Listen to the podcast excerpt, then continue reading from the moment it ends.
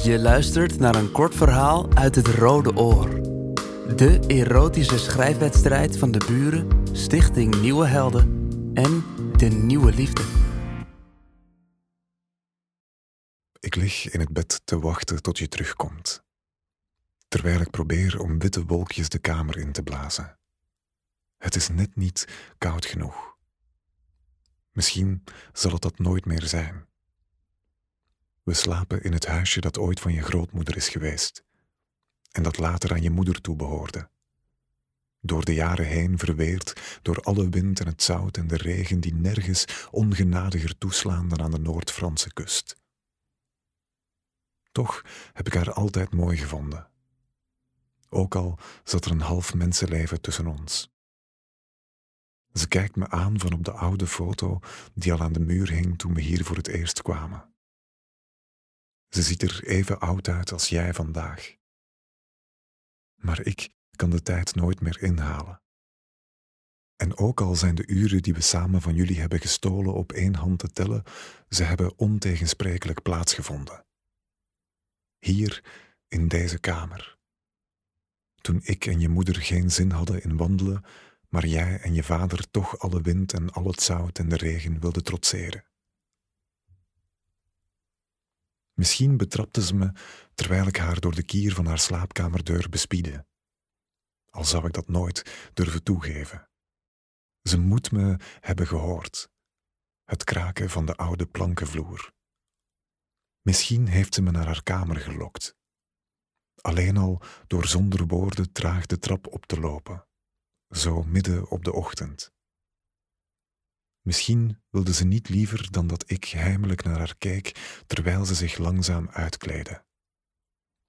Dat ik zag hoe ze, net als jij, nog meisjesondergoed droeg, met bloemetjes en een klein strikje op de voorkant genaaid.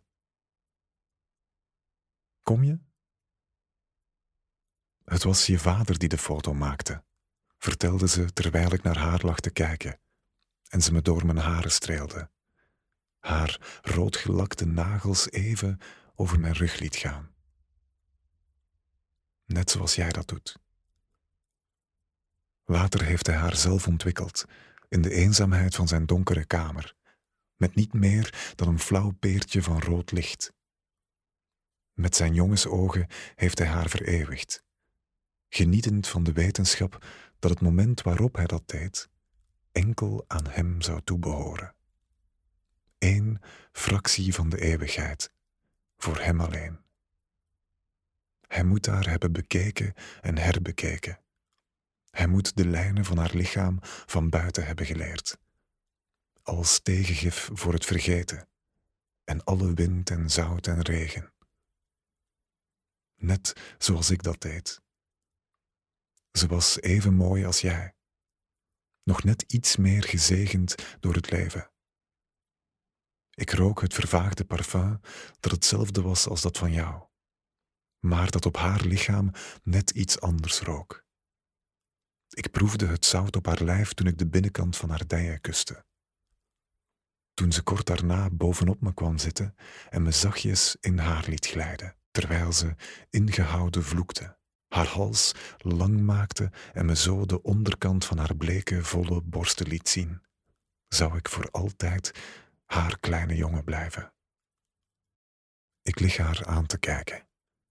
Alweer een half mensenleven later.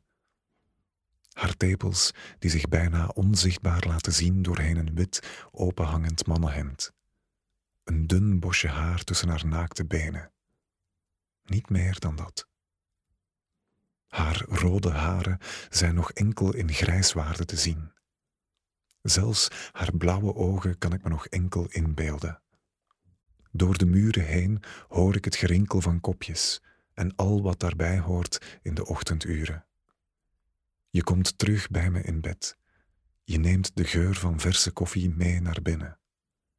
Je draagt enkel mijn witte hemd, zoals ik je heb gevraagd. Zelfs het haar tussen je benen heb je laten staan. Je kust me net zoals zij dat deed. Je ademt hetzelfde en je deelt haar accent, bijna haar stem. Ik wil nog één keer terug. Dat je ingehouden vloekt, zacht fluisterend de stilte breekt. Dat ik je vage geur kan ruiken, het zout op je huid kan proeven. Ik jouw lijnen van buiten kan leren, jou kan vereeuwigen. Tot je jezelf van me losmaakt, naar jouw kant van het bed rolt om daar gedachteloos te denken aan wat er precies kan zijn gebeurd. Zoals zij dat deed.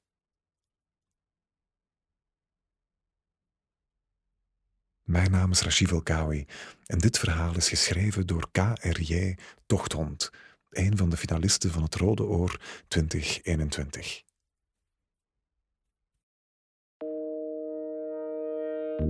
Je luisterde net naar een kort verhaal uit het Rode Oor.